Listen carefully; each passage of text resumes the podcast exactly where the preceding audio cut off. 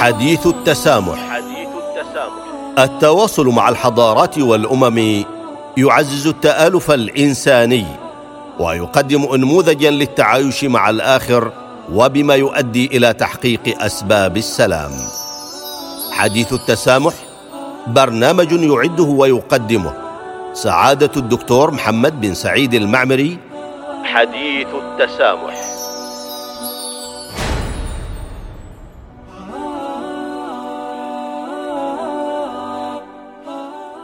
بسم الله الرحمن الرحيم.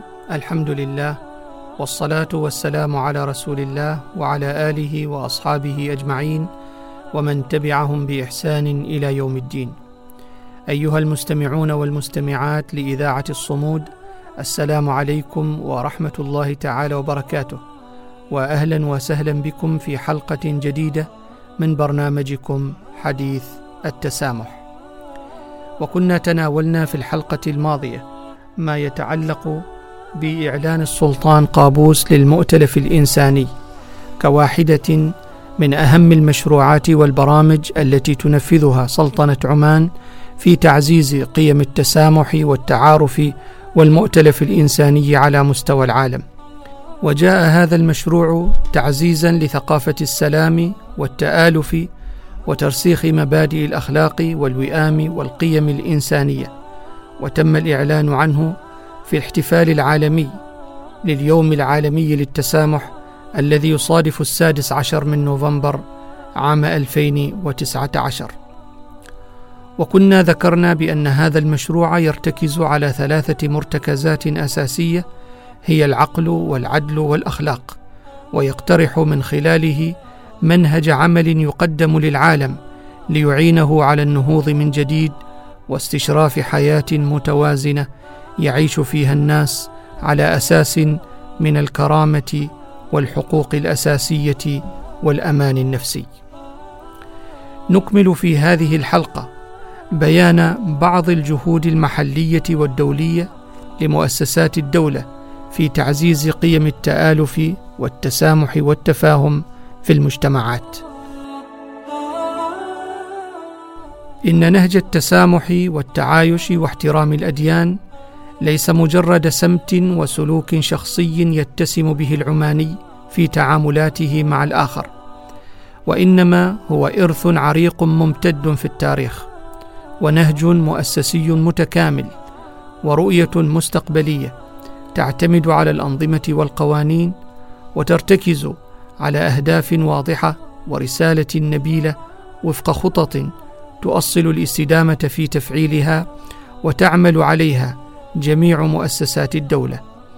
لتتكامل الأدوار في نقل الرسالة العالمية وتأصيلها في إطار مؤسسات حاضنة للقيم الإنسانية المشتركة ومنها قيم التسامح والتفاهم والحوار. أما عن دور المؤسسات الوطنية في تعزيز قيم الحوار والتسامح فإن المنهج الذي يقوم عليه العمانيون هو خيار استراتيجي وطني يشمل كل الجوانب السياسية والدينية والاجتماعية والثقافية وسمتا سلوكيا في كل مناحي الحياة ومساراتها. فالتمسوها في قراراتهم الدبلوماسية ومواقفهم الدينية وتمايزوا في قيمهم وأخلاقهم ورسالتهم للعالم فنالوا ثقة العالم وتقديره واتخذوا من منهجهم كرؤية عالمية يمكنها من تصحيح مسار العالم. وللمكانة العالمية التي حظيت بها عمان في عين العالم تم اختيارها كدولة مشرفة على الاستراتيجية الدولية الشاملة لمكافحة الإرهاب خلال اجتماعات الجمعية العامة للأمم المتحدة. وهذا يؤكد نجاح الدبلوماسيه العمانية ودور البرامج والمبادرات المحلية والعالمية المؤكدة لمصداقية هذا النهج والذي تتكاتف مؤسسات الدولة والمجتمع المدني في الحفاظ عليها وتعزيزها تحقيقا للسلم الداخلي والبعد عما يهدد السلم العالمي. وتتضافر جهود جميع مؤسسات الدولة والمجتمع المدني في ترسيخ قيم التسامح من أجل الوصول إلى مجتمع يسوده التفاهم والألفة والقيم المشتركة محافظا بذلك على مكتسباته وأمنه واستقراره قادرا على مواجهة ما يهدد نسيجه الاجتماعي.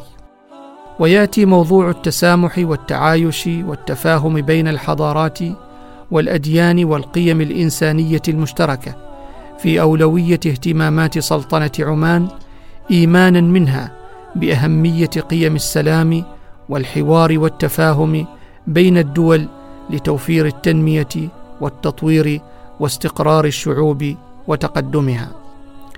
ومن هذا المنطلق حرصت سلطنة عمان على تفعيل مجموعة من البرامج والمبادرات لعدد من المشروعات المتعلقة بتعزيز التواصل والتفاهم بين الثقافات المختلفة ودعم التعايش السلمي بين شعوب العالم. وتتمثل هذه البرامج في الآتي كراسي السلطان قابوس في الجامعات العالمية. منذ توليه مقاليد الحكم في البلاد أولى السلطان قابوس بن سعيد طيب الله ثراه اهتماما بالغا بنشر المعرفة وبالبحث العلمي من خلال إقامة العديد من المشروعات الثقافية والعلمية محليا وعربيا ودوليا. وتتصل هذه المشروعات باللغة العربية والأدب والثقافة والتاريخ والعلوم والحوار الديني والحضاري. لذا جاء إنشاء كراسي وأستاذيات وزمالات علمية باسم السلطان قابوس في العديد من الجامعات العلمية المرموقة ترجمة لذلك الاهتمام ودعما لمجالات العلم والمعرفة الإنسانية بأنواعها المختلفة. ويتولى مركز السلطان قابوس العالي للثقافة والعلوم بديوان البلاط السلطاني. مهمة الإشراف على كراسي السلطان قابوس العلمية. وتهدف هذه الكراسي إلى مد جسور التواصل الحضاري وتفعيل الإثراء الثقافي والعلمي والمعرفي وبناء صداقات وتآلف بين الأمم ترسيخا للوفاق والسلام العالمي. التبادل الطلابي الثقافي والأكاديمي كأحد المشروعات التي تسعى إليها السلطنة وتعمل عليها حيث يمثل التبادل الطلابي المسار الأمثل في الاطلاع على ثقافة الحضارات المختلفة مع نقل صورة عمان الحضارية إلى العالم.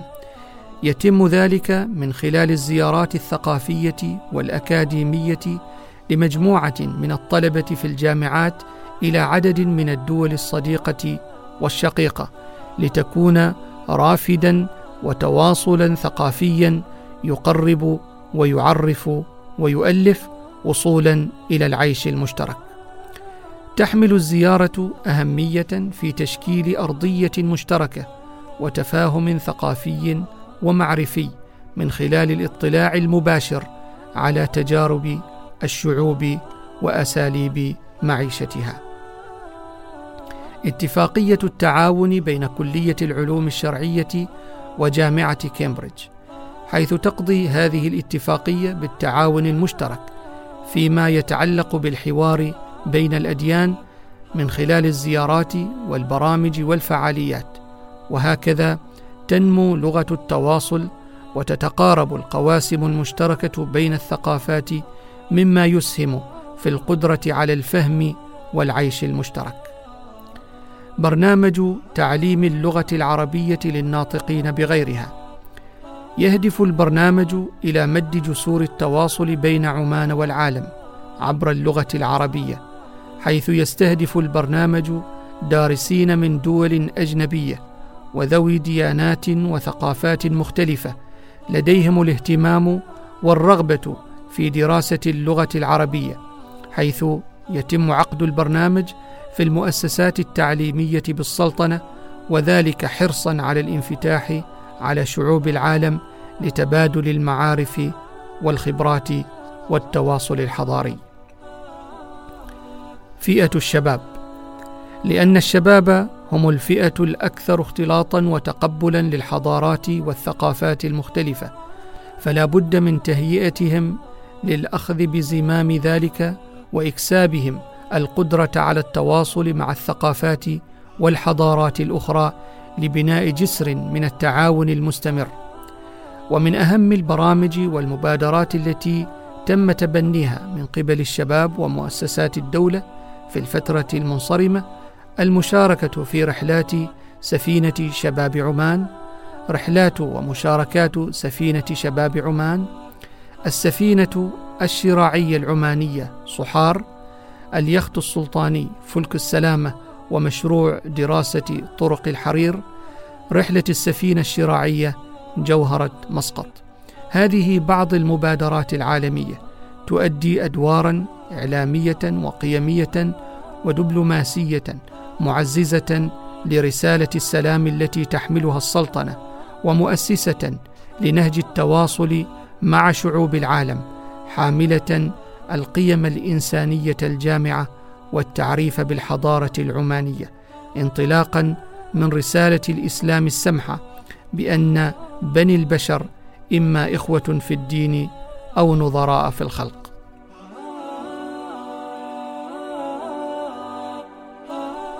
مشروع تطوير بيت الإسلام القرية العمانية بنيذرلاند. يشكل بيت الإسلام القرية العمانية جزءا من متنزه متحف الشرق للثقافة والأديان الذي يقع بمدينة نايمخن النيذرلاندية ويحتوي على نماذج مصغرة لثلاث قرى تمثل الديانات السماوية الثلاث الإسلام والمسيحية واليهودية.